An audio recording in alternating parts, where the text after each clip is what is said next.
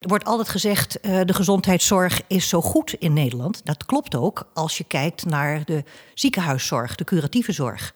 Maar uh, in een drietal sectoren, zoals uh, de jeugdzorg, maar ook de GGZ en dan vooral de, de wat meer complexe GGZ en ook delen van de ouderenzorg, mm -hmm. is, zijn de kwaliteit en de toegankelijkheid echt beneden de norm. Oeh, daar kijk wel even op. Kunnen we een zorginfarct voorkomen? Ik denk van wel. Dit is Slimme Zorg, een podcastserie van Ventura.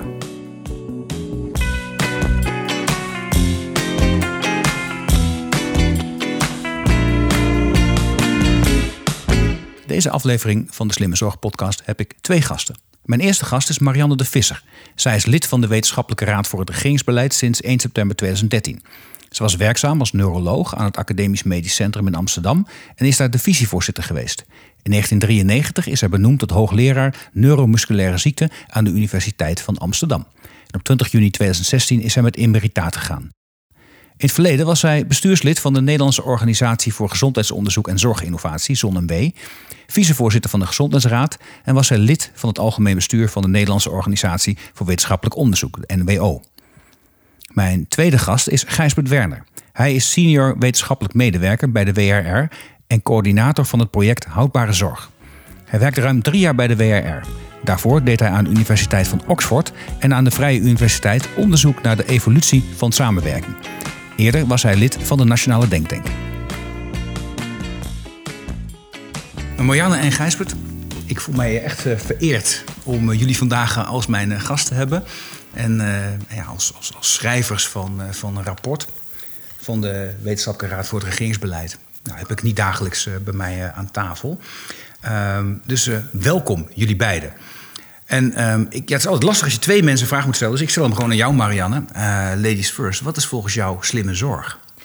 Dan zou ik in het kader van ons rapport zeggen dat dat houdbare zorg is. En dat vergt natuurlijk wel enige toelichting. Ja, dat nou, betekent, het uh, is het betaalbare zorg? Hebben we het geld ervoor?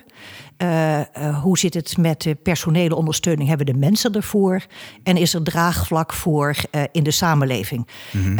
en als er aan al die drie randvoorwaarden wordt voldoen, dan kunnen we zeggen dat zorg kwalitatief uh, goede kwaliteit heeft en ook goed toegankelijk is. Dat er geen wachtlijsten zijn. Ja, oké. Okay. Dus slimme zorg is houdbare zorg. Uh, Gijsbert, en dan moet die uh, ook betaalbaar zijn. En je moet de mensen ervoor hebben. En, uh, en, en we hebben wat acceptatie nodig voor keuzes. Ja. Nou, klinkt allemaal nog niet heel dreigend, maar uh, is de zorg op dit moment houdbaar? Uh, dank Arno, dat is een goede vraag. En, en, daar hebben wij ja, grote reden om daaraan te twijfelen, eigenlijk aan de houdbaarheid van de zorg. Okay. Um, Waar zit hem dat allemaal in? Dat, dat zit hem in een aantal dingen. Kijk, de grote achterliggende ontwikkeling is de, is de grote stijging van de zorgvraag. En dat heeft te maken met uh, technologische ontwikkelingen. Er kan steeds meer, met demografische ontwikkelingen. Er zijn steeds meer ouderen. Het heeft ook met, met te maken met onze gezondheidstoestand. Er zijn uh, steeds meer uh, chronisch zieken, chronisch zieken die ook meerdere ziektes tegelijkertijd hebben. Ja. En al die factoren samen die zorgen er eigenlijk voor dat nu, maar ook in de toekomst, als je naar de prognoses kijkt van instituten zoals het, uh, het RIVM, die een voorstudie voor dit rapport gemaakt hebben, mm -hmm. dat je een, enorme toename van zorgvraag en zorggebruik verwacht. Uh, de, komende, de komende decennia. Uh, als je dat in financiële termen uitdrukt, nu geven we per Nederlander per jaar zo ongeveer 6000 euro aan zorg uit. Dat zou dan naar. Uh, dat is al veel meer dan mensen zelf, zichzelf beseffen. Hè? Dat is al veel meer dan mensen beseffen. En wat we, wat we zien is natuurlijk met name die, die, die nominale zorgpremie. die je elke ja. maand aan je zorgverzekeraar over, overmaakt van uh, rond de 100. 20, 30, 40 euro. Uh, dat is wat mensen ervaren. Maar de, de, mm -hmm. per hoofd is het, gaat het nu om, op dit moment om ongeveer 6000 euro. Mm -hmm. En dat zou uh, vermoedelijk, nou, dat zou waarschijnlijk zo rond de 15.000 euro uh, uitkomen in 2060. En als je dat uitdrukt als percentage van het bruto nationaal product, dan ga je van 13% naar tussen de 20 en de 25 procent waarschijnlijk. Dus dat is een enorme, enorme hap uit de middelen. Dat gaat over de financiële houdbaarheid. Ja. En daar zit, zit er zo al een enorme druk op, want dat impliceert allerlei dingen. Dat betekent dat uh, welvaartsontwikkeling van huishoudens, van gewone mensen, uh, grotendeels of misschien zelfs wel bijna alleen maar naar die zorg zou moeten gaan. Het heeft ook implicaties voor de publieke sector, voor het overheidsbeleid. Dat betekent dat we uh, uh, die middelen allemaal in zullen moeten zetten voor zorg en de groei van zorg. En, en er te weinig overblijft voor onderwijs, uh, de energietransitie, andere belangrijke beleidsdossiers, zoals dan sommige ook een grote gezondheidsimpact hebben. Ja. en nou, dat is de financiële component, maar misschien nog wel even belangrijk is die. die we, we maken een drieslag. Hè? Houdbaarheid, het begrip houdbaarheid, dat wordt, het CP, is heel erg een CPB-begrip historisch gezien in Den Haag. Hè? Mhm. en dat werd altijd heel erg financieel ingestoken. En wij zeggen eigenlijk nee, Marianne zei het al, je moet het op drie dimensies zien. Financiële houdbaarheid, personele houdbaarheid en maatschappelijke houdbaarheid. En die moeten alle drie geborgd zijn op de lange termijn om de kwaliteit en de toegankelijkheid van de zorg. Nou, die andere twee laten die zo eens pakken. En, en dat is, is focus op financieel. Mag, mag ik niet eerst eventjes aansluiten? Want jouw vraag ja, was, zeker, dat jouw mag. vraag was of de zorg nu niet houdbaar is. En, ja. en Gijsbert zei het een en ander natuurlijk over de financiële problemen. En we komen nog te praten over die personele uh, problemen. En misschien ook nog wel over het draagvlak. Maar wij hebben in ons onderzoek kunnen constateren uh, en daar zijn we niet de eerste in, dat op een aantal, in een aantal zorgsectoren de kwaliteit en de toegankelijkheid gewoon beneden de minimumnorm is gezakt. Nu al? Nu al. Hmm. Kijk, er wordt altijd gezegd, uh, de gezondheidszorg is zo goed in Nederland. Dat klopt ook als je kijkt naar de ziekenhuiszorg, de curatieve zorg. Uh, ook in het buitenland wordt, die, uh, wordt dat als, als goed gewaardeerd hè, in ja. uh, OECD-rapporten. En onze huisartsenzorg is denk ik echt uniek. Maar in een drietal sectoren, zoals de jeugdzorg, maar ook de GGZ en dan vooral de, de wat meer complexe GGZ en ook delen van de ouderenzorg, mm -hmm. is, zijn de kwaliteit en de toegankelijkheid echt beneden de norm.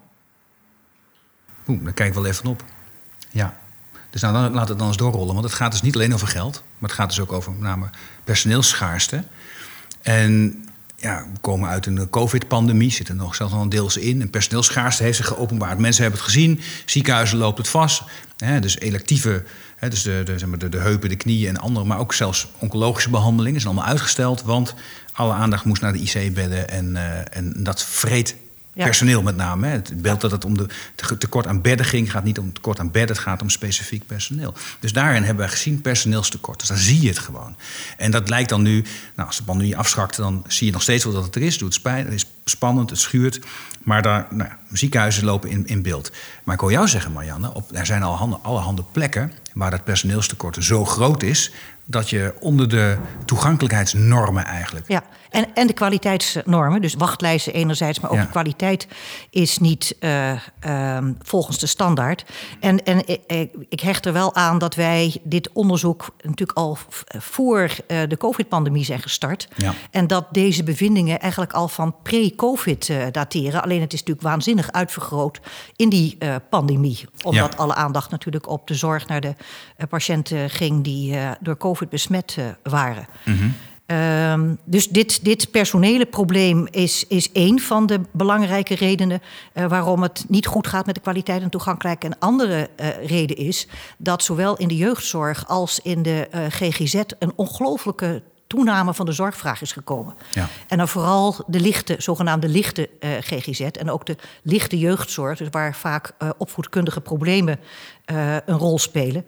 En, en, dat is iets waar we misschien straks nog wel over komen. Daarvan zeggen wij, daar zou een maatschappelijke discussie over moeten worden gevoerd. Of je dat wel echt zorg zou mogen noemen. Ja, oké, okay. interessant. Dan moeten we het over ja. hebben. Dat zijn, die zijn die moeilijke maatschappelijke keuzes waar je het over hebt. Ja.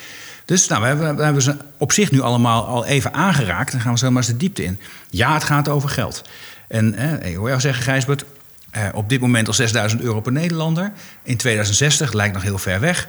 Maar toch, eh, het komt sneller dan je denkt. Eh, dan gaat er meer dan een heel minimumloon per persoon naar zorg. Dus als iemand op minimuminkomen zit, dan werkt hij de hele dag alleen maar voor de zorg.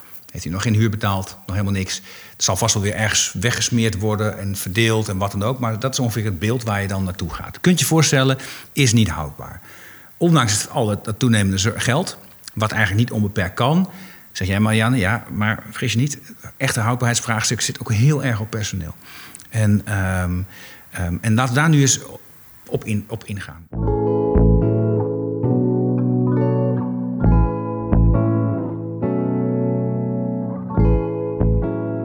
Ik ben zelf lang politicus geweest. Ik heb me ook heel vaak druk gemaakt over dat zorgkosten opliepen. Dat maakt de politiek niet zo heel veel los. Want bij geld, als je, ook als je enquêtes ziet, Prinsjesdag enquêtes elk jaar opnieuw, dan zeggen mensen, nou, waar mag niet op worden bezuinigd? Op de zorg. Nou, de zorg wordt in Nederland helemaal niet bezuinigd. De kosten lopen elk jaar op. En dat lijkt iedereen heel goed te vinden. Vindt het niet leuk om die zorgpremie te betalen. Dat is dan vervelend. Maar als het maar verstopt in de belasting of in een andere premie die met de belasting meeloopt, dan lijkt niemand zich zorgen te maken.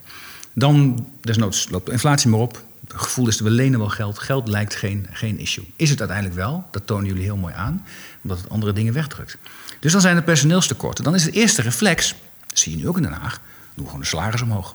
Geef er gewoon meer geld uit. En dan zul je zien, dan verdampen de personeelsproblemen voor de zon, als voor de zon. Klopt dat? Huisbert. Um, wij denken niet dat het aannemelijk is dat dat, uh, dat dat klopt. Er is hier echt een fundamentele transitie gaande de komende tijd en een, een fundamenteel nieuwe situatie. En dat heeft eigenlijk te maken met de ontwikkeling van de beroepsbevolking. Die staat, mhm. als je naar de demografische projecties kijkt, uh, staat de beroepsbevolking ongeveer stil de komende uh, eh, 40 jaar. 40 jaar? Ja. Ja, dat is nogal wat. De enige manier waarop je dat wezenlijk nog zou kunnen veranderen... is, is natuurlijk door hele extreme migratiescenario's aan te nemen. Maar als je dat niet doet, dan, uh, dan staat de beroepsbevolking min of meer stil. En dat is echt echt wezenlijk anders dan de afgelopen 40 jaar, de afgelopen decennia. Want toen is hij, is hij met een procentje van 50 à 60 toegenomen. Mhm. Eh, door een aantal factoren, de groei van de bevolking, maar ook de toenemende participatiegraad. Dus in Nederland werken veel mensen, uh, rond de 80 procent uh, van de Nederlanders is, is actief op de arbeidsmarkt. En als je die, die zorgvraag waar ik het net over had, die stijgende zorgvraag door al die, om al die redenen, ehm, maar met name om die demografische reden, want daar, dat is uit heel, heel arbeidsintensieve zorg. Ja. Tegen die beroep, uh, ontwikkeling van de beroepsbevolking aanlegt, dan zie je dat daar gewoon een groot gat tussen zit. Dus die mensen die zijn er gewoon niet. Die zijn er ook niet met die heel veel hogere, hogere salarissen. En daarom denken wij inderdaad dat er een probleem ligt met financiële houdbaarheid, maar dat de, echt grote begrenzing misschien nog wel de komende tijd gaat liggen bij die personele houdbaarheid. Want die mensen kan je niet uit, uit het niets voor, voor, tevoorschijn toveren. Nee, je zou misschien kunnen zeggen, met geld kun je zorgen dat mensen die aan het werk zijn in de zorg, daar ook aan het werk blijven. En dat de normale logische instroom van mensen op gang blijft. Dat mensen zeggen, nou, dat is de, de moeite waard om daar te werken. Um, en dat mensen die in de zorg werken fatsoenlijk moeten worden betaald, staat niet ter discussie, denk ik. Um, maar daarmee red je het niet. Ik vond, je had de plaatjes getekend. Um, ik, ik, gebruikte de voorganger daarvan, gebruik ik zelf als in presentaties. op dit moment werkt in Nederland, eh, als ik het goed heb, één op de zeven mensen in de zorg. Hè? Ja. Ik heb ook gekeken in het plaatje van de, van de OECD. Daarmee zijn we al internationaal koploper. Er is bijna geen land ter, beschaafd land ter wereld waar zoveel mensen procentueel werken in de zorg. Eén op de 15 uh, in, uh, in Nederland. Het is, uh, nee, sorry, 1 op de 7, dat is 15 procent. En gemiddeld in de beschaafde wereld is het 10 procent, geloof ik, 1 op de 10. Maar jullie projectie is... Ik kende altijd de projectie tot 2040, dan zou het 1 op de 4, moeten ja. zijn. En 2060 wordt 1 op de 3. 1 op de 3? Ja. 1 op de 3 mensen werkzaam in de zorg. Ja. En die heb je wel getekend, dat vind ik altijd zo interessant. Dan teken je het en met poppetjes. Dan denk je, nou oké. Okay. Uh, zou dat ook kunnen?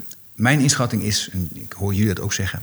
dat gaat gewoon echt niet gebeuren nee, dat, dat, kan ook niet. A, zijn ze er niet. En B, drukken ze uh, alle andere uh, um, publieke uh, publieke taken, zal ik maar zeggen, die vervuld moeten worden. Zoals bijvoorbeeld het onderwijs, drugs daarmee weg. Iedereen zit natuurlijk in dezelfde ruif te vissen. Ja, zeker. Uh, dus dat, dat is uh, onmogelijk. Dus dat, dat personele, die personele houdbaarheid, die knelt misschien eigenlijk nog wel meer dan die financiële houdbaarheid. Ja. Uh, want ik bedoel, we hebben gezien in COVID dat minister Hoekstra zegt: we hebben diepe zakken. Mm -hmm. dus in, in, principe zou je natuurlijk nog wel een aantal miljarden erbij kunnen, kunnen doen. Ja. daar zit natuurlijk op een gegeven moment ook weer grens aan. Maar dat personeel, dat is er gewoon niet. Nu al niet. Nee. Uh, en zeker niet als je deze projectie uh, hanteert. En ik wil het niet een, een te sombere bijeenkomst maken, maar ik wil. Nou, laten we een eerlijke bijeenkomst zijn. laten we een eerlijke bijeenkomst maken. Ik wil uh, daar misschien op, op aanvullen uh, dat het ook belangrijk is om je daarbij te realiseren. Er zijn een aantal Um, ook in Den Haag favoriete oplossingsrichtingen hiervoor. Bijvoorbeeld ga, de, ga eens even naar, naar de participatiegraad kijken... en kunnen we die nog wat, wat opkrikken, wat meer mensen aan het werk kijken. Dat, dat kan ook wel, maar die oplossingsrichtingen die vallen allemaal wel... Uh, die zijn allemaal wel qua, qua omvang relatief klein ten opzichte van de vraag van, dit, van, dit, van, uh, van, van het vraagstuk. van het vraagstuk sorry, Ja, wat we, waar we hier naar kijken. Want bijvoorbeeld die participatiegraad die is al ongeveer 80% Dat betekent niet dat er, dat er niet zo heel veel rek meer is. Hè. Misschien kan je naar 85 gaan, misschien naar 86. En je kunt het aantal uren nog wat uitbreiden, je her kan en der. aantal, hè, je kan het aantal gezegd. uren hier nog wat uitbreiden. Maar dat, dat, een deel van die mensen doet ook weer man- mantelzorgtaken. Dus daar zitten ook, ook grenzen aan. Want als, je die, als, als, je da- dan, als die, ze die mantelzorgzaken niet meer kunnen uitvoeren... eh, juist veel zorgne- werknemers in de zorg hebben ook mantelzorgtaken... Dan, dan moet dat weer op een of andere manier opgevangen worden. Dus de traditionele oplossingsrichting van de participatiegraad opkrikken... Hartstikke goed, zijn we voor. Moeten we blijven, blijven doen. Zijn, zijn ook, ook wel beleidsopties voor te bedenken. Maar qua omvang, qua orde van grootte, moet je je niet rijk rekenen. En hetzelfde geldt eh, over de, voor de arbeidsproductiviteit. Eh, Ja, we kunnen de productiviteitsgroei proberen wat te versnellen door inzet van technologie, digitalisering, e-health en dergelijke.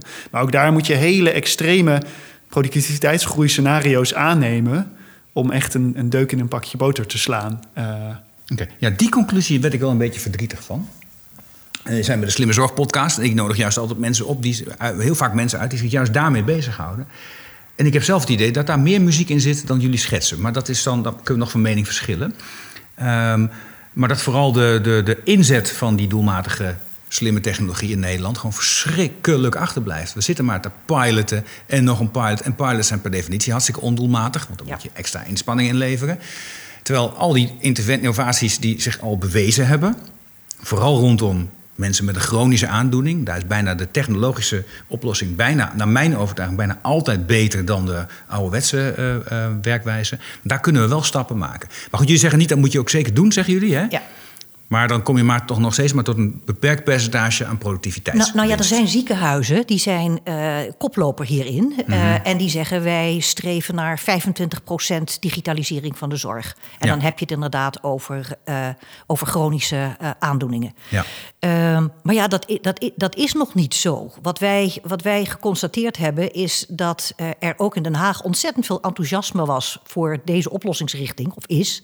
Ehm, maar dat dat tegenvalt door wat voor barrières je ook maar kunt bedenken. Allereerst eh, is het natuurlijk zo dat als de dokter met de patiënt op afstand zit te praten, dat diezelfde tijd die normaliter in de spreekkamer zou worden doorgebracht, nu eh, voor het beeldscherm wordt doorgebracht. Dus Ja. daar heb je niet zo'n besparing voor de zorgkosten op.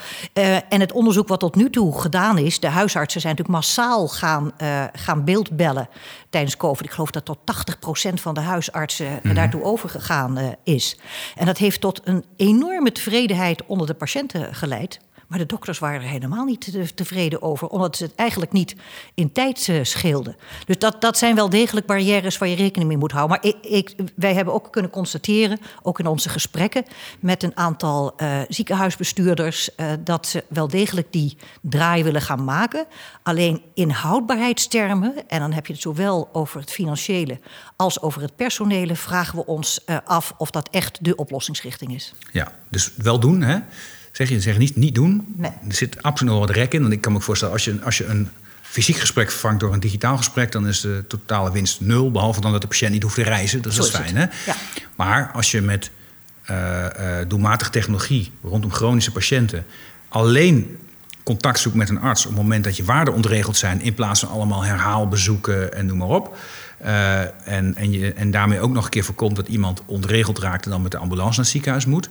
Daar zit je doelmatigheidswinst. En hoe groot die is, nou, jullie zeggen dat is mooi, moet je vooral doen, maar waarschijnlijk toch echt onvoldoende om grote stappen te zetten. Ja, ja maar je hebt gelijk. eh, als, als dat aan de patiënt wordt overgelaten, eh, dus echt de juiste zorg op de juiste plek en op de juiste tijd, dan zou dat wel eens eh, tot winst kunnen leiden. Maar dat weten we op dit moment nog niet. Nee, oké. Nou, dat gaat lekker. Dus het gaat financieel gaat het de verkeerde kant op. Qua personeel gaan we dit niet bolwerken. Er zijn al plekken waar eh, mensen niet of nauwelijks fatsoenlijke toegang hebben tot zorg. Eh, en je schetste net één, de complexe GGZ. Echt een hele lastige. Dus de laagdrempelige GGZ, dat, leidt, dat, dat, dat gaat goed. Of goed, nou, in ieder geval daar is een hoge instroom. Weten mensen makkelijk te vinden. Ehm, eh, dus dat, nou ja, daar, daar lijkt niemand zich zorgen te maken. Maar juist daar waar de mensen die zorg het hardste nodig hebben... daar zie je dat het nu al onder druk staat. En er zijn vast meer voorbeelden te vinden. En dat gaat verergeren als je geen keuzes gaat maken. Ja.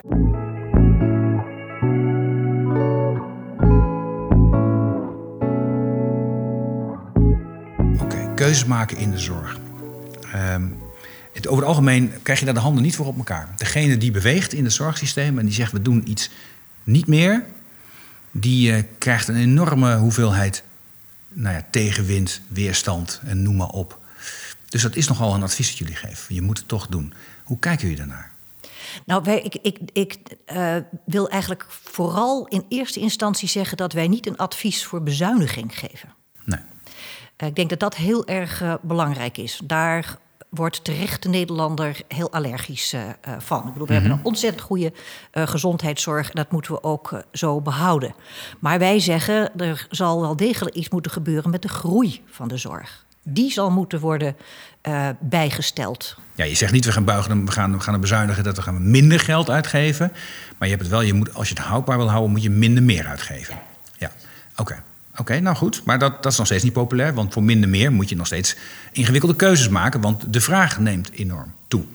Dus minder meer betekent uiteindelijk misschien toch dat je, dat je ik weet niet, zeg maar, dingen niet meer doen, dingen anders doen. In welke richting kijken jullie, uh? Nou, het, het, betekent een aantal dingen. En, uh, en dat betekent bijvoorbeeld dat je echt moet kijken naar gezondheidswinst. Van wat levert die zorg, die nieuwe zorg, uh, op qua gezondheidswinst en wat kost dat en, en hoe staan die, die verhoudingen tot elkaar. Mm-hmm. Dus we moeten echt daar heel scherp op gaan sturen. Uh, en dan heb je het over dingen als pakketinstroom. En dan heb ik het.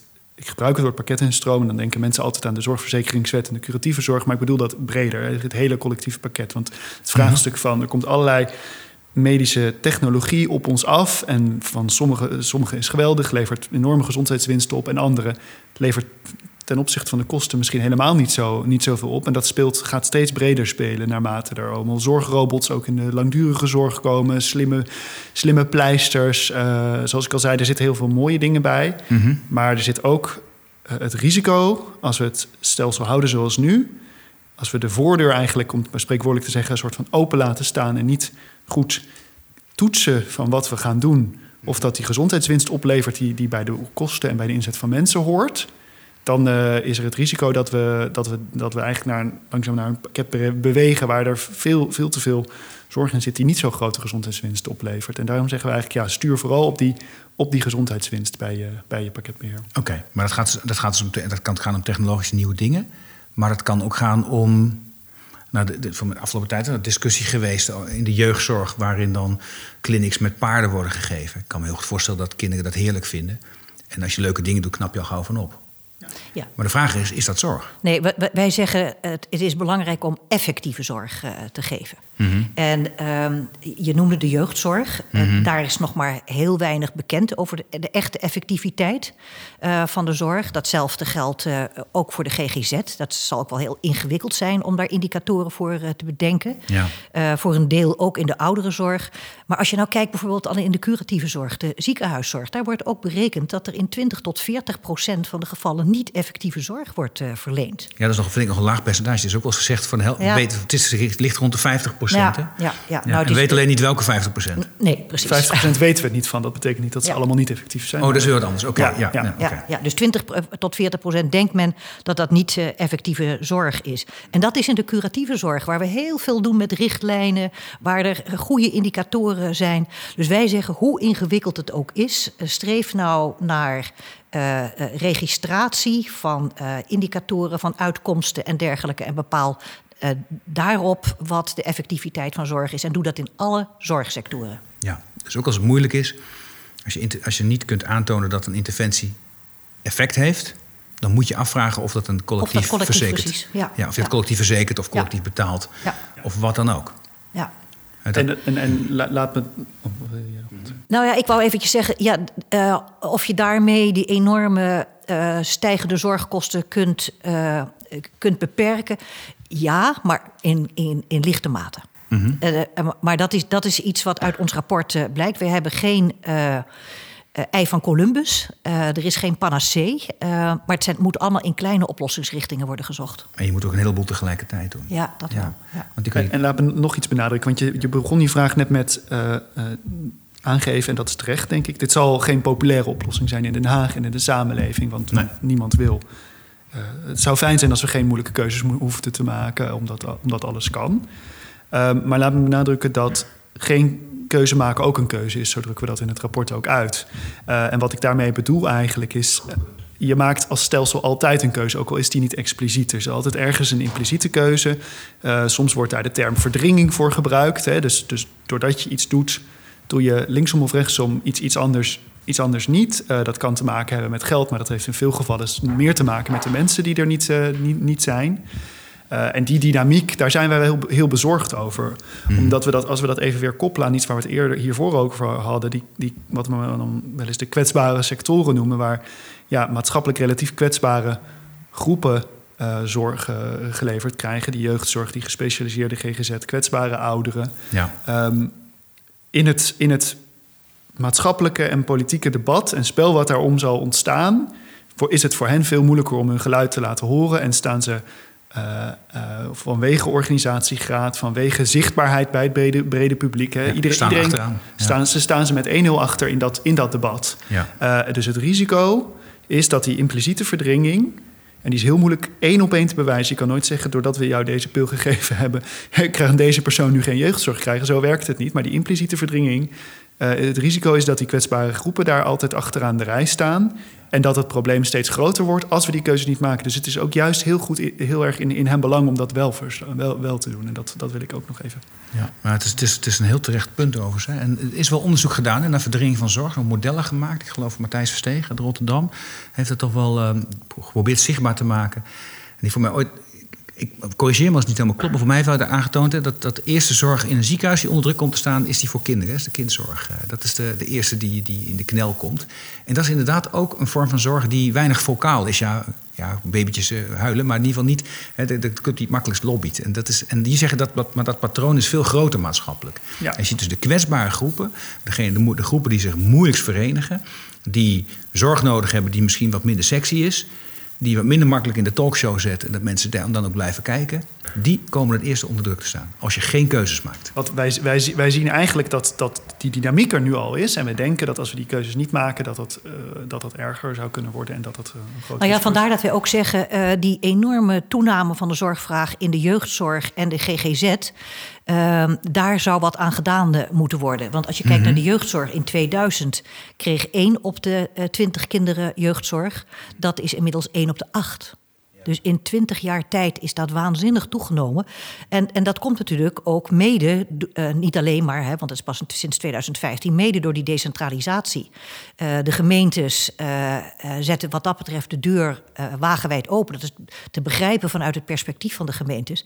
Maar ik noemde het al eerder, de, de vraag is of, of opvoedkundige problematiek uh, in gescheiden gezinnen of uh, nou ja, wat voor een andere problematiek dat dan ook in families is. Of dat echt tot zorg gerekend uh, zou moeten worden. Ja, en het punt, ja, nou, dat, daar noem je er één. En, en dat gaat eigenlijk misschien nog wel verder dan alleen maar die. Laat, ik kan het dus afgelopen. Je, je zegt in de jeugdzorg zie je van 1 op de 20 naar 1 op de 8. Dus van, van opgroeien is een ziekte gemaakt. Ja. En ja. Um, en we weten allemaal, opgroeien gaat met, met horten en stoten. En dat is lastig. En, uh, en, en, en een ene kind heeft het moeilijk en de andere niet.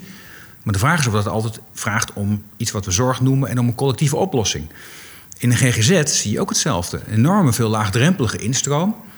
Um, vind ik altijd wel ingewikkelder om te zeggen van... is dat nou goed of fout? Het idee is altijd, als ik vroeg, vroeg help, hè, vroeg interveneer... voorkom ik heftigere problematiek.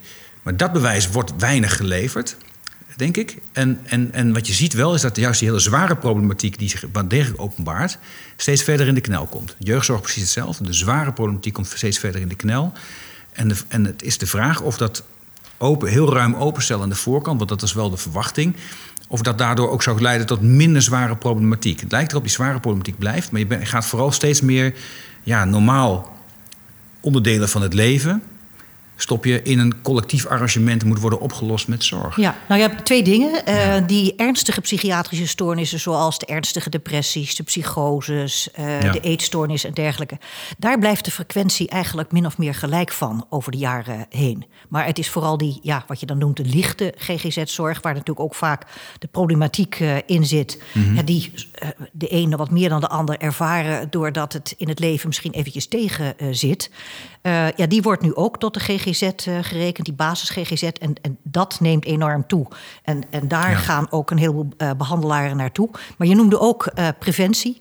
Ehm, de preventie van depressie, daar zetten de opinieleiders in de psychiatrie wel heel erg op in. Er is nog niet heel veel bewijs. Het zou fijn zijn als het werkt natuurlijk. Ja, hè? ja. Maar, maar zij zeggen dat dat absoluut nog verder geëxploreerd moet worden. En dat er absoluut mogelijkheden zitten om daar uh, bijvoorbeeld een depressie mee, mee te voorkomen. Oké, dus dat is, eh, dat ben je niet, maar, maar dat is wat anders dan dat je zegt: ik behandel milde problematiek. Dan zeg je nee, dan moet je echt aan de preventieve kant gaan zitten. Nou ja, er zijn twee dingen. Eén uh, is die preventie, en daar komen we vast nog wel over te spreken. Zeker. Dat is een van onze belangrijke uh, aanbevelingen. Uh, maar, maar ook hier zeggen wij: zou er niet, net zoals bij de jeugdzorg, een maatschappelijke discussie moeten plaatsvinden? Wat, waarvan wij zeggen: is dit zorg die we met z'n allen willen betalen? Ja. Moet, dit wel, collect, moet dit wel in het collectief arrangement?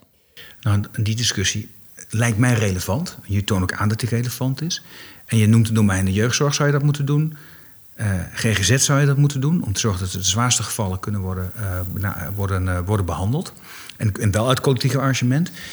En ehm, nu ga ik mezelf enorm impopulair maken, maar ik durf ouderenzorg daar wel aan toe te volgen.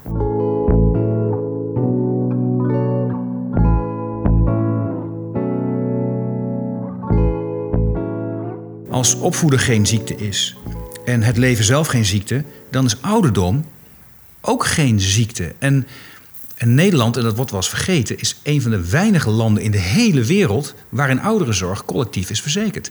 dus als je, als, je, als, je, als je hele zwaar dement bent, en dan ook in andere landen, en, en, en je hebt zware zorg nodig, dat is bijna altijd wel een Ja, maar dat is een ziekte, hè? Dementie ja, is een precies, ziekte. dan heb je al een ziekte. Ja. maar, wat, maar als je, als je in, in, ik ben zelf opgegroeid in, in, in Haaksbergen, dat is op kruipafstand van de Duitse grens. En mensen zich niet beseffen dat als je in Duitsland woont en, en je bent niet meer goed te benen en je hebt permanent zorg nodig, dan moet je zelf betalen. En als je naar verpleeghuis moet, dan moet je zelf betalen. En als jij niet kunt betalen, dan betalen jouw kinderen daarvoor. Want zeg je, ja, dat is leven. En als, echt niet, en als je heel erg onvermogen bent, dan is daar een arrangement voor. En dat is een heel beschaafd land. En het gekke is, dat is bijna elk Europees land het geval, maar niet in Nederland. Die is alles, wat al die, die slijtage en, en, en dingen die je overkomen door ouderdom, zit in het collectieve arrangement. En ik ga je niet zeggen of dat goed of slecht is, maar de vraag is of dat houdbaar is. En, en, en um, ja, maar die discussie durft helemaal niemand aan te gaan. Hoe durven jullie dat wel? Ik ga eens even. Nou, Gijsbert die is nog jong, die durft dat misschien wel. Ik weet het niet.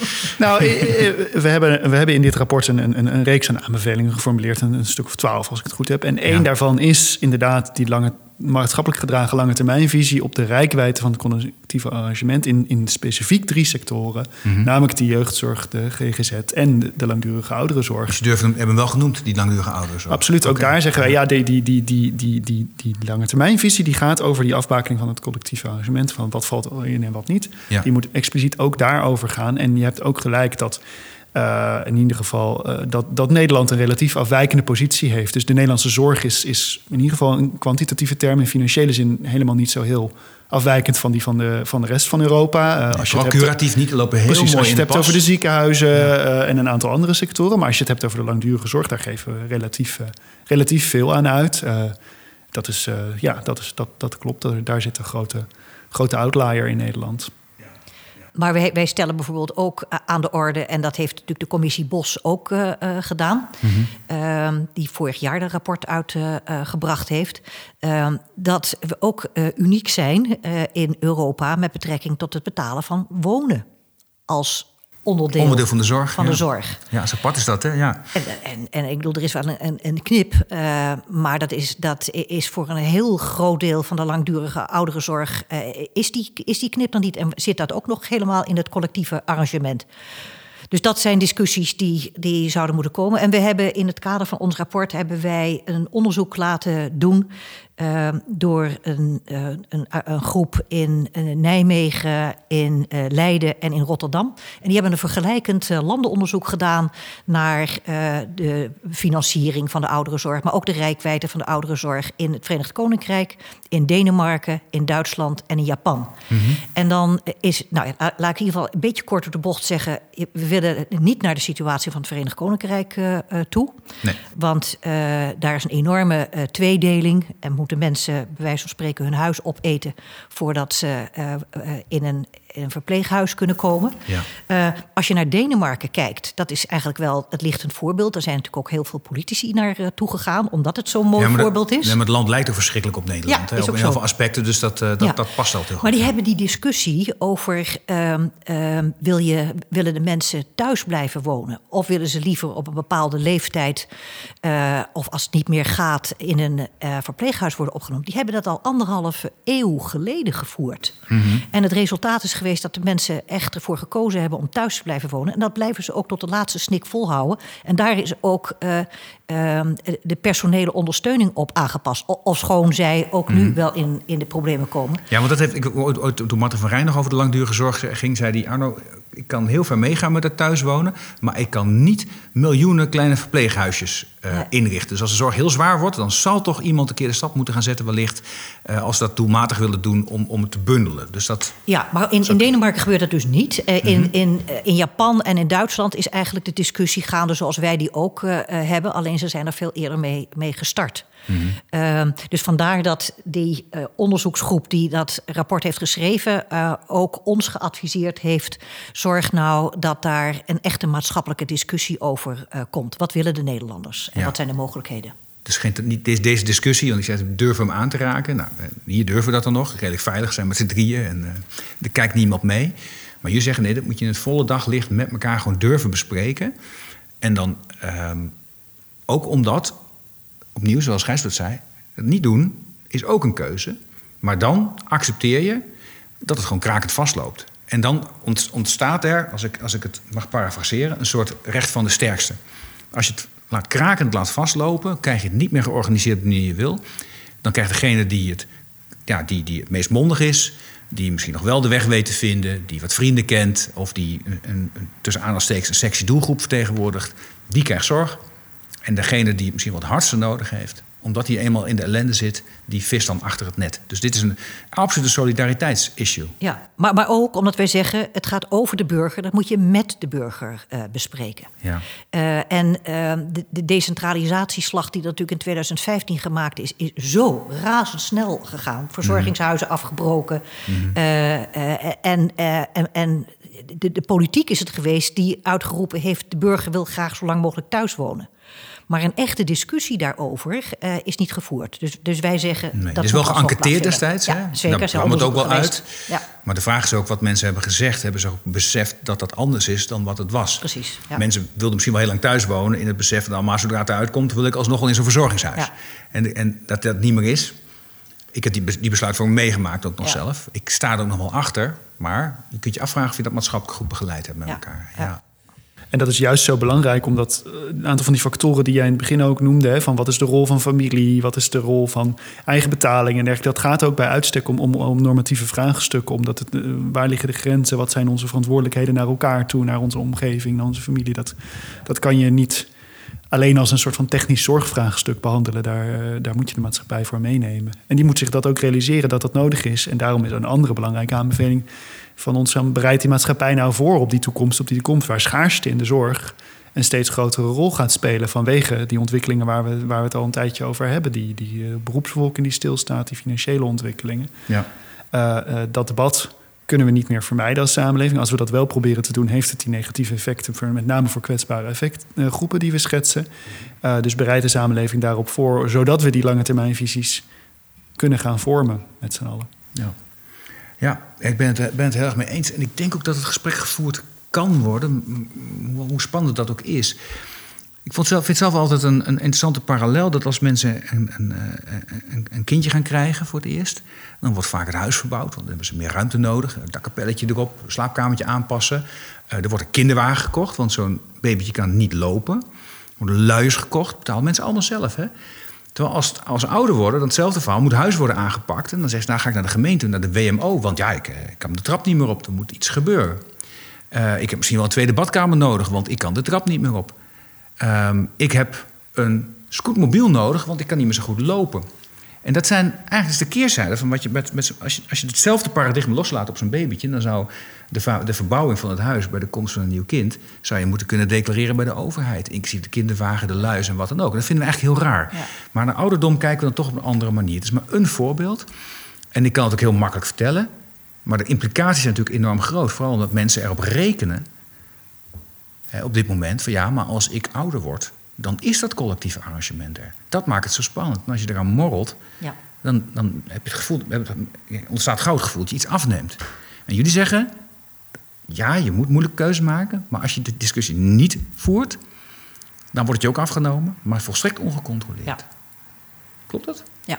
ja. Dat is een interessante parallel. Ja, ja. Ik denk nou, uh, dat er wel iets in zit. Ja.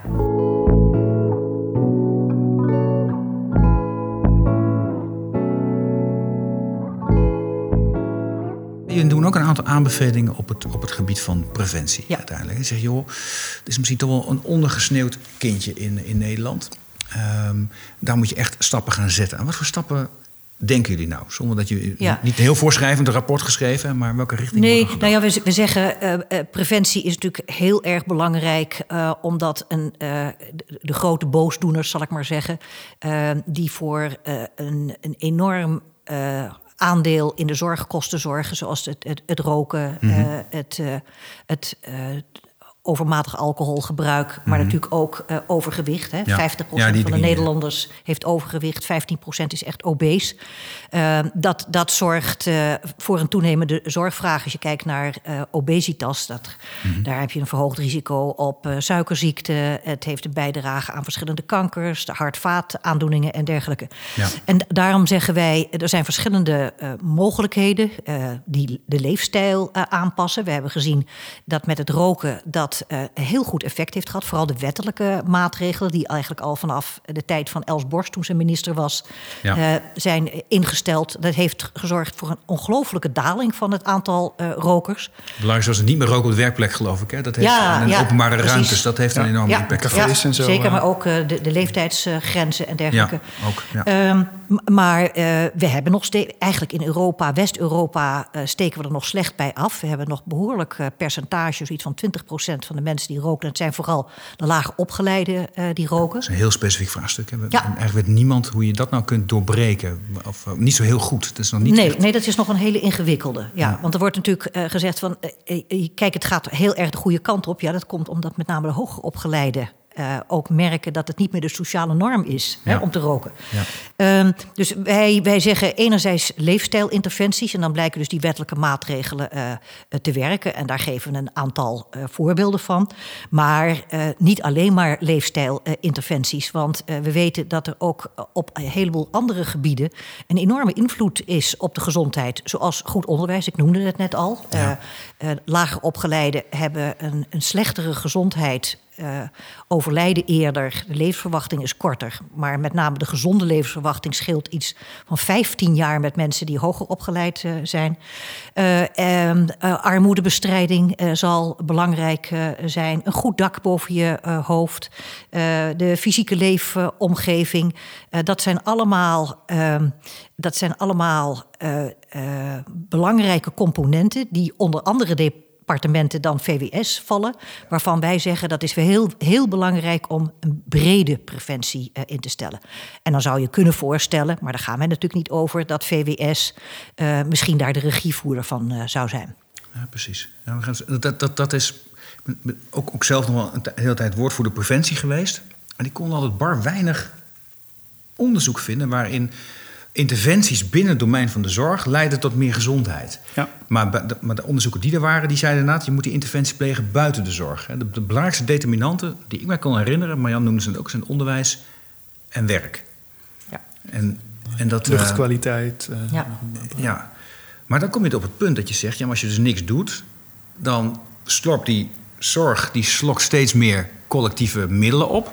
waaronder ook middelen voor onderwijs... En doordat je dat doet, heeft de zorg steeds meer geld nodig. Ja, dat zeggen we ook in ons rapport. Het is in, in, je kan heel moeilijk een concreet punt aanwijzen wanneer dat gebeurt. Maar het zou kunnen, zo kunnen zijn dat op een gegeven moment extra uitgeven aan de zorg zelfs nadelig wordt voor onze collectieve gezondheid via, via deze route die jij net schetst. Omdat als het uitgaven verdrinkt die eigenlijk meer effect op onze gezondheid hadden gehad, ja. dan, uh, dan zou je dat effect kunnen, kunnen krijgen. En dat is best aannemelijk dat dat op een gegeven moment optreedt. dat is interessant. Dus, dus je zou moeten, moet, moeten durven remmen op zorg om te kunnen blijven investeren in goed onderwijs. En dan vooral ook onderwijs waarin je hele brede groepen meeneemt en op een hoger niveau tilt. Maar ik kan me ook voorstellen als het onveilig is, dat het ook niet goed is voor de zorgkosten. Dus dat je, dat je veiligheid belangrijk vindt. Zeker, ja.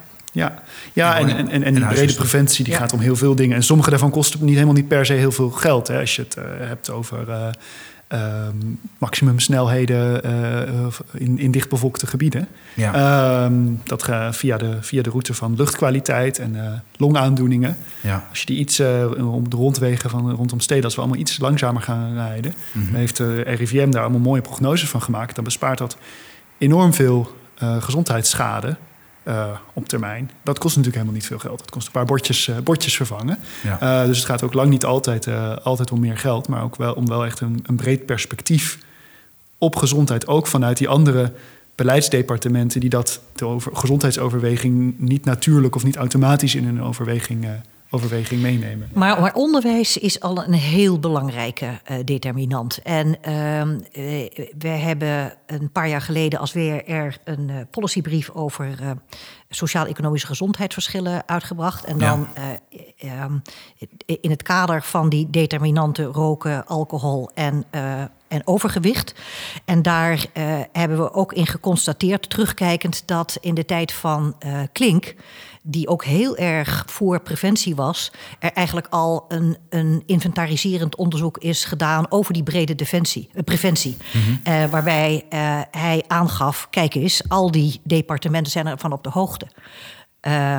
Maar of dat nou aan het gebrek aan regie van VWS eh, is te wijten, of aan het gebrek aan medewerking, of het gebrek aan urgentie van de andere departementen, dat weten we eigenlijk niet. Maar eigenlijk is er in die tussentijd heel weinig veranderd. Dus vandaar dat we daar, dat een hele belangrijke aanbeveling uh, geven, vinden. Ja, maar die aanbeveling reikt niet zo ver als datgene wat bijvoorbeeld iemand als Jochem Miro zegt. Hè. Veranker nou maar wettelijke gezondheidsdoelen. Uh, Hoewel het wel dicht in de buurt komt, wat ik jou wil zeggen, Gijsbert. Dat je zegt, nou ja, als je als overheid gaat maatregelen neemt die gezond, echt gezondheid bevorderen. En die moet je, dat zijn dus niet dat zijn maatregelen die kunnen liggen op bij het ministerie van Infrastructuur. Die kunnen, kunnen milieumaatregelen zijn. Die kunnen te maken hebben met de ruimtelijke inpassing. Dat, waardoor mensen makkelijker gaan fietsen en makkelijk gaan lopen. Misschien minder vaak eh, in een auto gaan zitten. Uh, dat soort dingen, dat, dat, dat helpt enorm. Maar je gaat niet zoveel dat je zegt, nou leg dan wettelijke doelen vast. Ja. Terwijl er bijvoorbeeld bij CO2 en stikstof ja, niet, niet met allemaal met even applaus ontvangen, maar lijkt dat wel heel erg veel effect te hebben als je als overheid het doelen vastlegt. Nou, wat, we, wat we inderdaad zeggen is van zorg ervoor dat bij dat soort afwegingen, die primair vanuit andere ministeries dan VWS geïnitieerd worden, gaan we deze weg wel of niet bouwen, hoe gaan we deze wijk inrichten, wat, uh, dat daar gezondheid en de effecten op gezondheid integraal een onderdeel van de afweging zijn. Dat die ministeries daar ook over, na, over nadenken als ze, als ze dat, dat beleidkeuzes nemen. Ja. Wat we inderdaad niet zeggen is. Uh, zet daar een, een gezondheidsdoel een doel, een verplichtend gezondheidsdoel of een gezondheidsplicht op. Zoals sommigen sommige in het publieke debat inderdaad wel voorstander van zijn. Mhm. En dat, uh, ik snap waar die roep vandaan komt, maar ik vind dat een hele uh, spannende richting om die kant op te gaan. Juist omdat gezondheid door zoveel verschillende factoren beïnvloed wordt. Ja, wie, wie, wie, ga je daarop afrekenen? Ja. Uh, als, je, als je uitkomstdoel iets is als um, x percentage van de mensen uh, mag nog maar obese zijn. Uh, uh, wie, wie ga je erop aanspreken als dat niet gelukt is? is dat, ligt, dat, ligt dat aan de, um, aan de regulering van frisdranken, die waar toch nog wat te veel suiker in zit, als we eigenlijk gewild hadden, aan de fietspaden die niet goed, goed aangelegd zijn. Dus ik zie daar, ik zie daar een heel in de uitvoering lijkt me dat heel moeilijk om dat echt afdwingbaar te maken, waarop toch een relatief simpel doel als CO2-percentages of stikstofpercentages. Dan weet je welk knop je draait en wat er direct gebeurt. Ja, het is ook niet al te makkelijk vanwege de grote maatschappelijke belangen en economische belangen. Maar, maar wat je, wat je, welke knop je aan draait, dat is toch, toch relatief simpel vergeleken met de gezondheidsdoelen. Het is wel goed dat die doelen gesteld worden. Dat is in het Nationaal Preventieakkoord worden die ook gesteld. Hè? Roken nul, uh, obesitas, ik geloof gehalveerd of iets dergelijks. Dat is natuurlijk wel heel vrijblijvend in het Nationaal Preventieakkoord. Maar wettelijk verankeren is, eh, is iets. Ik weet dat Jochem Miro dat, eh, dat zegt en dat bepleit. Eh, Ja. Ook de Raad voor Volksgezondheid en Samenleving is het in dat opzicht eens met Jochem Miro. Maar precies om reden die Gijsbert noemt, hebben wij daar niet voor gekozen. Nee, maar je bent het er niet volstrekt mee oneens. Maar je zegt, Nee. ja, je, ja je, je, je normen worden wat arbitrair... en je weet ook niet wat dan de volgende stap Nee, is. precies. Maar, wat, dat, maar dat het idee dat je stuurt en richt op gezondheid... vanuit andere domeinen, dat omarmen Ja. jullie volledig. En laat me ook benadrukken dat we qua middelen en qua beleidsmiddelen die zeggen, dat we ook echt expliciet zeggen, er mag geen taboe zijn op verplichtende wettelijke vormen van preventie. Dus Mhm. regulering van eh, verkooppunten van alcohol, zoutpercentages van voedsel, de fameuze sui- suikertax. Alle, de, Mhm. Er valt onder die brede categorie vallen tientallen mogelijke inter- interventies waar het RIVM eh, allerlei prognoses over heeft gemaakt van wat de kansrijke zijn en wat de minder kansrijke zijn. Mhm. We zeggen wel, ja, daar mag geen, geen, geen taboe op zijn. Die moeten we ook echt ge- durven gebruiken als We samenleving. bevelen het niet aan, specifiek. Daar maken wij geen keuzes in. Maar precies zoals Gijsbert eh, zegt, die mogelijkheden zijn er. En overweeg het. Neem het in overweging. Ja, zoals aantoonbaar is dat het effect een positief effect heeft... durven dan ook toe te passen, zeg je eigenlijk. Ja. Ja, ja oké. Ja, uit de praktijk, aan de andere kant heb ik vaak ervaren dat er vaak dat ook heel veel maatregelen heel goed voelen, maar weinig, maar weinig onderzocht zijn of ze ook echt Ja. effect hebben. En dan verlies je ook weer maatschappelijke steun. Dus je Zo moet wel het. goed kijken van wat is het effect. Ja, maar het RIVM heeft daar een enorme, enorme Ja. database Je weet al veel meer dan in Ja. het verleden. Nou, Ja. Dat is positief. Eh, en waar, ja, het, blijven natuurlijk altijd prognoses, maar je kan daar, daar aardig, aardig goed inschatten wat voor veel van dat soort maatregelen gezondheidswinst eh, is. En Oké, Oké, nou, ehm, dus we beginnen, begonnen niet heel erg positief. Je zegt, nou, dus is de zorg houdbaar? Nee, momenteel niet. Gewoon echt niet. Niet financieel niet houdbaar. Qua bemensing niet houdbaar. En qua maatschappelijke acceptatie voor de keuzes die je moet gaan maken, dat is allemaal nog maar eh, beperkt. En als je, maar als je het afpelt, dan begint het misschien wel aan de achterkant. Dus met dat maatschappelijke debat, dat mensen accepteren van we moeten echt gaan bewegen. Om te zorgen dat we straks eh, keuzes kunnen blijven maken over zorg. Anders wordt het, loopt het gewoon krakend vast en dan worden de keuzes voor ons gemaakt. En dan zijn de zwaksten in de maatschappij zijn als eerste het slachtoffer. Zeg, dat moet je niet doen. Als nu mensen dit rapport hebben gelezen of gezien of erover hebben gehoord.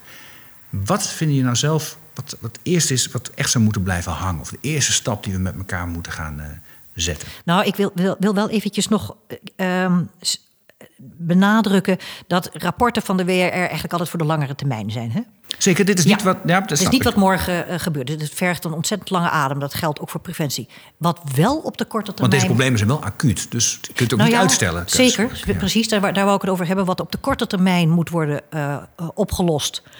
En dan klinkt het woord oplossen heel erg simpel. Dat is natuurlijk niet. Dat zijn die problemen in kwaliteit en toegankelijkheid van die drie sectoren die ik ge- genoemd eh, heb: jeugdzorg, eh, eh, GGZ en in mindere mate in delen van de ouderenzorg. In Hm. een welvarend land als Nederland mag dat niet bestaan. Dus dat is iets wat op de korte termijn opgelost moet worden. Nee, degene die zwaar zorg nodig heeft, dat die achteraan staat. Exact. En Ja. dat degene die misschien wel iets wel zorg kan krijgen waarvan je moet afvragen of het wel zorg is, dat die wel toegang heeft. Die, Ja. die, die verhouding jullie Precies. van, daar moet je wat mee. Ja. En daar begint ook misschien wel je dialoog. Ja, zeker. En, en ten tweede die personele problematiek. Ehm, er zijn door heel veel commissies ehm, en heel veel organisaties... ik noem maar even de eh, commissie eh, van Doekle Terpstra... Ja. maar oh, die drie jaar aan de slag is geweest. En nu de handdoek in de ring heeft geworpen Roepend in de woestijn, ja. Eh, maar ook het, een CER-rapport wordt daar heel erg duidelijk over geweest is. De WRR zelf heeft een rapport over, even in het kort, beter werk uitgebracht. Mhm. twee jaar geleden. En daar, daar wordt echt heel duidelijk gesteld, werkgevers, jullie zijn nu aan zet. Ehm, eh, want eh, gek genoeg blijkt het niet het geld te zijn waarom mensen uitstromen. Ehm, eh, over het algemeen eh, is zorgpersoneel redelijk betaald. Er zijn wel wat achterblijvende eh, groepen. Ehm, maar wat belangrijk is, is dat ze erkenning willen, gewaardeerd willen worden. Eh, dat eh, ze meer autonomie eh, hebben. Ja. Ehm, dat er eh, wordt gedacht aan een goede balans tussen werk en, en privé. En, en dat zijn zaken. eh, en eh, niet te vergeten, een carrièreontwikkeling doormaken. Dat wil dus zeggen, goede opleiding krijgen. Ehm, eh, op maat opleiding krijgen. En, en ja, dat is natuurlijk aan, aan werkgevers om dat zo snel mogelijk in te voeren, al deze maatregelen. Ja, en En dus zeg je, begin daar gewoon mee. Ja. En als je dat lukt, dan kun je misschien waarborgen dat één op de zeven mensen in de zorg blijft werken. Die één op de vier, één op de drie. Dat is nog, niet. ja, nee, dat is iets anders. Daar, daarom moet je die maatschappelijke discussies over die zorgvraag eh, gaan Ja, voeren. precies. Ja, maar dat personele probleem, eh, weet je, die instroom die is er wel. Ja. Er is een continue instroom van mensen die, eh, die zeggen: wij, wij willen graag in de zorg werken, we willen een, maatschappelijk een bijdrage leveren. Maar de gemiddelde uitstroom is na twee jaar. Ja, dat is veel te vroeg. Ja. Ja, je, dat moet na 35 jaar zijn. Of zoiets, hè? Ja. Ja. Hey, tot slot, Gijsbert. Wij, eh, wij troffen elkaar net weer. En, en, en toen bleek dat jij mij een jaar geleden gesproken hebt. Toen ik nog een heel andere rol had, was ik nog politicus. Twee jaar geleden zelfs, denk ik al, ja. Ja, meer dan twee jaar geleden. Ja, ja. ja. zeker. Het is zo'n rapport. Dat, is echt, dat, is, dat, dat kost echt tijd. Ja. Om tot de journalisten te komen. En er zijn ook heel veel, nou ja, van allerhande mensen voor gesproken. Dus zelfs eh, politici. En nu ligt het er. En, ehm, en mijn vraag is tot slot, er wordt nu geformeerd, nieuw, eh, er moet een nieuw kabinet komen. Het duurt allemaal heel lang. Maar eh, het voordeel is wel, daardoor is jullie rapport precies op het goede moment. Dus dat is mooi. Ehm, wordt nou zo'n rapport dat hier ligt met zulke belangrijke conclusies ook weer door jullie belobbyd? Wordt dat gesprek wat je aan de voorkant hebt gevoerd, destijds met mij en mijn collega's van mij, nu ook weer gevoerd? En wat, wat, wat je dan op dat moment? Ja, nou, we, we zijn inderdaad bij de aanloopfase naar het project eh, eh, bij alle Tweede Kamerfracties langs geweest. En gevraagd van, goh, wat houdt jullie bezig over de zorg? Waar maken jullie zorgen om? Om dat als input te kunnen gebruiken voor ons, voor ons project. Wat zijn, de, wat, eh, wat zijn de vragen? En niet alleen in de po- politiek als we hebben met... Er zit een lijst van gesproken personen in... met, met, Ja, hol- tientallen, honderden mensen gesproken in het veld... in de regulering eromheen, in de zo- zorgverleners, zorggebruikers. En nu is begonnen wat wij de landingsfase van zo'n project noemen. Dus eh, eh, het rapport is gepresenteerd. Eh, maar eigenlijk is wat er nu gaat gebeuren nog wel het belangrijkste inderdaad. Dat, wat, gaat er, wat, wat gaat de maatschappij er nu mee doen? Wat gaat de politiek er nu mee doen? En daarom blijven we ook langs gaan bij mensen. We gaan langs bij politieke partijen als ze er toelichting om vra- vragen, als ze daar interesse in hebben. We gaan in het veld langs. We spreken met brancheorganisaties. En we merken, we merken eigenlijk veel her- herkenning. Mensen, mensen eh, je zei net eerder al, eh, het is niet, niet fijn om te moeten kiezen over de houdbaarheid van de zorg, maar als je het uitlegt, wat de situatie is, wat er op ons afkomt, de ontwikkeling die ons afkomt. En als je uitlegt, het gaat ons echt om die toegankelijkheid en die kwaliteit van zorg, dat we die borgen op de lange termijn. En dat we daar, om dat te kunnen doen, die drie houdbaarheden op peil brengen en in balans brengen. Dan snappen mensen dat eigenlijk heel goed, ondanks dat het geen welkome of plezierige boodschap is. En dan blijkt, zeker als je daar wat dieper over doorpraat en die grafiekjes ernaast legt en dergelijke, dat daar, dat daar heel veel herkenning is en ook, ook veel begrip voor die boodschap. Dus ik ben daar zeker niet pessimistisch over. Mooi. Laten we dan afsluiten met deze optimistische boodschap. Ik wens jullie heel veel succes en dank voor het gesprek. Dank je. Dank. Dit was Slimme Zorg, de podcast waarin nagedacht wordt over oplossingen waarmee een zorginfarct voorkomen kan worden. Een podcastserie van Ventura. Abonneer je op deze show via iTunes of Spotify en voel je vrij om een review achter te laten. Ik vind het zelf enorm leuk om te lezen wat jullie van de podcast vinden. Je mag me ook mailen op podcast.ventura.com. Vond je de podcast leuk? Dan heb ik een opdracht voor je. Vertel over de podcast aan een van je vrienden of collega's. Mijn naam is Arno Rutte. Dit was Slimme Zorg. Je hoort mij over twee weken weer in een nieuwe aflevering.